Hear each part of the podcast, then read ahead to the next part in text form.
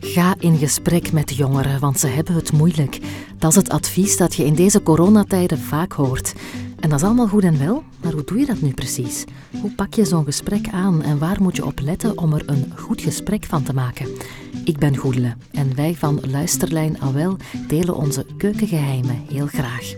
We hopen dat deze podcast kan inspireren om een gesprek met een jongere fijn te laten verlopen. En wie weet, zorgt dat ervoor dat er meer jongeren zich gehoord voelen. Want dat is voor Awel van het allergrootste belang. Welkom.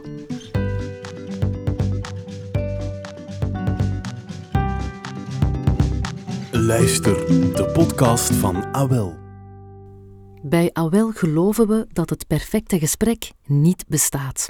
We geloven niet in strikte regels voor een goed gesprek.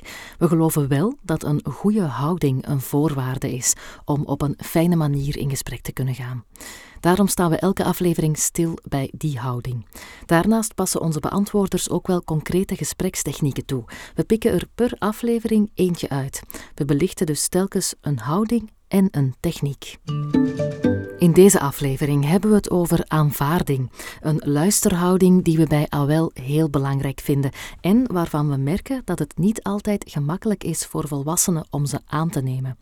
We staan ook stil bij de luistertechniek vragen stellen, want er zijn heel veel manieren, goede en minder goede, om vragen te stellen.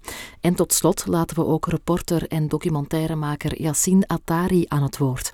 Hij reisde de wereld rond, maar ging ook dicht bij huis in gesprek met jongeren die het moeilijk hebben. Wat is dat nu juist, een houding van aanvaarding? Wel, als je aanvaardt wat de jongere voelt, dan neem je de jongere au serieus. Dan maak je hem of haar niet kleiner en je laat je oordelen achterwege. Je gaat mee in de beleving van de jongere. Je aanvaardt en erkent de emoties. Als een jongere bijvoorbeeld aangeeft dat het niet fijn is op school en een volwassene reageert met: Je hebt toch fijne leerkrachten? Dan voelt die jongere zich niet gehoord en niet au serieus genomen. Een aanvaardende houding is niet altijd even gemakkelijk maar wel een ideaal om naar te streven. Want door aanvaardend te zijn zal een jongere zich echt gehoord voelen en geef je de boodschap: jouw emoties mogen er even goed zijn als de mijne. Kleine tip: als je zin begint met ja, maar, dan ben je waarschijnlijk niet aanvaardend. Aanvaarding gaat over het aanvaarden van gevoelens, gedachten, wensen. Maar gedrag dat is nog iets anders. Het kan gebeuren dat je bepaald gedrag niet zomaar kan aanvaarden, omdat het gevaarlijk of schadelijk is voor de jongere zelf, voor jou of voor anderen. En dan mag je zeker grenzen aangeven door te zeggen dat je dat gedrag niet oké vindt of dat je je zorgen maakt daarover. Maar blijf steeds proberen aanvaarden wat er onder of achter dat gedrag ligt. Zo wijs je de jongere als persoon niet af. Je zou bijvoorbeeld kunnen vragen: wat maakt dat hij of zij dat gedrag stelt? Wat dat gedrag hem of haar oplevert? Als je erin slaagt om de beleving van de jongere te aanvaarden en enkel het gedrag waar nodig afgrenst, dan zorgt dat ervoor dat de jongere zich aanvaard voelt en creëer je samen een opbouwende relatie. Meestal stellen we vragen in een gesprek. Aan de techniek van vragen stellen geven we graag een beetje extra aandacht. Soms voelen we schroom om vragen te stellen, alsof we dan te nieuwsgierig of zelfs bemoeizuchtig zijn. Terwijl een vraag uit oprechte interesse, een vraag waar geen oordeel in zit en dus een vraag vanuit de juiste houding, vaak heel verwelkomend en empathisch is. Het is eigenlijk fijn om zo'n vraag te krijgen. En als we niet de bedweter willen uithangen, maar gewoon willen weten hoe het gaat en daarin oprecht zijn, dan is er geen reden om geen vragen te stellen. Vragen kunnen een jongere helpen om de situatie te begrijpen en door vragen te stellen toon je ook dat je interesse hebt en de jongere au serieus neemt. Soms is het verleidelijk om een heleboel vragen te stellen waarop het antwoord ja of nee is. Gesloten vragen noemen we dat. En dit soort gesloten vragen geven de jongeren weinig kans om echt te gaan vertellen, want het antwoord is gewoon ja of nee. Let er dus best op dat je ook dat soort vragen stelt waarbij de jongere de ruimte krijgt om te vertellen. Open vragen, zoals hoe bedoel je? Of Hoe is dat voor jou? Zo creëer je meer ruimte voor het verhaal van de jongeren. Het oor van Yassine Atari. Hey iedereen, ik ben Jesse Natari, 24 jaar en reporter en fotojournalist bij onder andere 14 Nieuws. De afgelopen jaren ben ik heel erg bezig geweest met projecten rond vluchtelingen, um, protesten, natuurrampen, conflict enzovoort. Maar ik ben ook bezig geweest met uh, een webdocu-reeksen gericht op jongeren. Uh, er zijn online documentaires op YouTube. Um, zo ben ik bijvoorbeeld samen met Rudy Franks een maand lang door Europa gereisd naar aanleiding van de Europese verkiezingen. Om met verschillende jongeren te praten rond bepaalde delicate thema's. Um, zoals bijvoorbeeld uh, de vluchtelingenproblematiek, uh, het klimaat, populisme enzovoort. En daarnaast heb ik ook labels gemaakt waarin we ja, in de hoofden van verschillende jongeren gaan kruipen, in verschillende subculturen. Um, vaak ook heel Um, heel gevoelige thema's, zoals bijvoorbeeld um, body positivity, jongeren die voor de eerste keer op het Vlaams Belang hebben gestemd, jongeren die in sociale woonwijken wonen, uh, jonge daklozen enzovoort.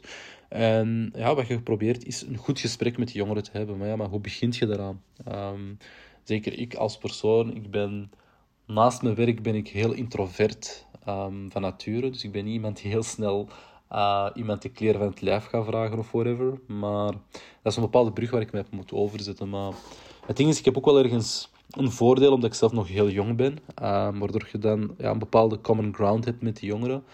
Maar voor hetzelfde geld komt ook bij jongeren terecht um, die heel ver van u staan. Um, ik kan u eens een voorbeeld geven. Ik had dat in Rome bijvoorbeeld, waarbij we een groep jongeren hebben gevolgd die zichzelf identificeren als fascisten. Ze noemen zichzelf echt fascisten, uh, Mussolini-fanboys.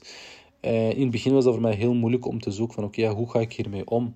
Um, normaal gezien moeten onbevooroordeeld erin stappen. Uh, om toch zo ja, je verhaal te krijgen, om inkijk te krijgen uh, in de hoofden van die jongeren van oké, waarom en van waar komt dat? Maar in het begin was ik nog heel erg stelde ik mij, ik zou niet zeggen vijandig, maar toch wel zo een beetje ja, teruggehouden op, denk ik. Waardoor ik merkte dat door kritische vragen te stellen, om gewoon kritische vragen te stellen, om scherp te zijn, dat die jongeren letterlijk gewoon ja, een barrière opgooien en dat je er gewoon niet door geraakt, dat je ook geen eerlijke antwoorden krijgt of dat ze je ook niet vertrouwen. Daar begint het, het vertrouwen, dat je een, een veilige um, een veilige sfeer creëert. Want je zegt van ja, kijk, ik ben hier om naar uw verhaal te luisteren. Zonder, kijk, ik heb mijn mening en alles, maar ik ga die mening ook niet laten doorcijpelen of, of laten zien aan hen. Snap je? Dat je gewoon ergens een common ground vindt. Je moet niet eens zijn met elkaar, maar je vindt een common ground waarin je met heel respectvol met elkaar kunt omgaan. Echt gewoon met elkaar praten, luisteren en heel open in staan. En zo zie je dat ja, naarmate de draaidag vorderde, heb ik mijn tactiek toen ook aangepast van hoe ik um, dat aanpakte en je merkt van, ah oké, die jongeren komen ineens los. Hetzelfde met bijvoorbeeld die body positivity, is een heel gevoelig thema. Uh, in het begin was dat voor mij, oké, ik ben zelf heel preuts en de body positivity movement kende ik niet zo goed. Um, heel veel mensen zullen heel snel denken van ja, uh, mensen die aandacht zoeken door in hun ondergoed te poseren, bla bla, weet ik veel wat. Maar ik dacht zo van nee, ik moet zoeken van wat daarachter zit. Dan gaat in gesprek met die mensen, heel open, heel onbevooroordeeld. Um, je stelt jezelf echt laag op, je gaat er met een open blik naartoe. Um, wat ik altijd doe is gewoon, ik weet niks. Dus ik stap erin, ik denk van oké, ik weet niks en ik wil zoveel mogelijk bijleren. En dan zie je die mensen openbloeien. En er komen er heel persoonlijke verhalen naar buiten. En leert je tot die extra lagen kennen in het verhaal. En mensen zijn ook heel vaak super blij om gehoord te worden. Um, wat we merken is dat jongeren zich heel vaak vergeten voelen um, of beoordeeld. En dat is het ding. Um, op dat moment cijfert je jezelf als persoon gewoon volledig weg. Gaat je er met een open blik in staan en probeer de... Het gaat draait om de persoon waarmee je aan het praten bent. En je probeert gewoon zoveel mogelijk uit die persoon te krijgen, dat die persoon zich ook gehoord voelt, gewaardeerd. En, en geloof mij, de, de, de schatten van informatie die je eruit uitkrijgt en de waardering is, is, is enorm. Dus om kort samen te vatten, stel jezelf onbevooroordeeld op, met een open blik, um, zet je op hetzelfde niveau en, en creëer een veilige ruimte. Dus als ik een gouden tip kan geven, de ultieme tip, dat is gewoon spreek met die jongeren en niet over die jongeren.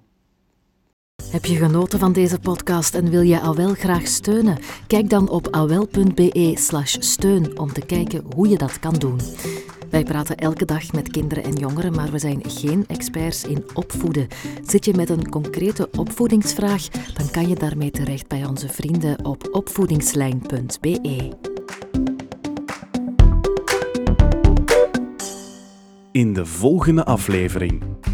Echt gewoon aan het handje van hen zelf meelopen om in hun verhaal, in hun kijk op het leven, in het moment waar ze nu staan en wat ze je willen vertellen, om daarmee in te gaan. Maar je focussen op de krachten van de jongeren werkt alleen als je eerst erkenning hebt gegeven voor de last op hun schouders. Als je meteen naar de krachten en de hoop gaat, dan ga je voorbij aan wat er moeilijk is en misschien nog wat tijd nodig heeft.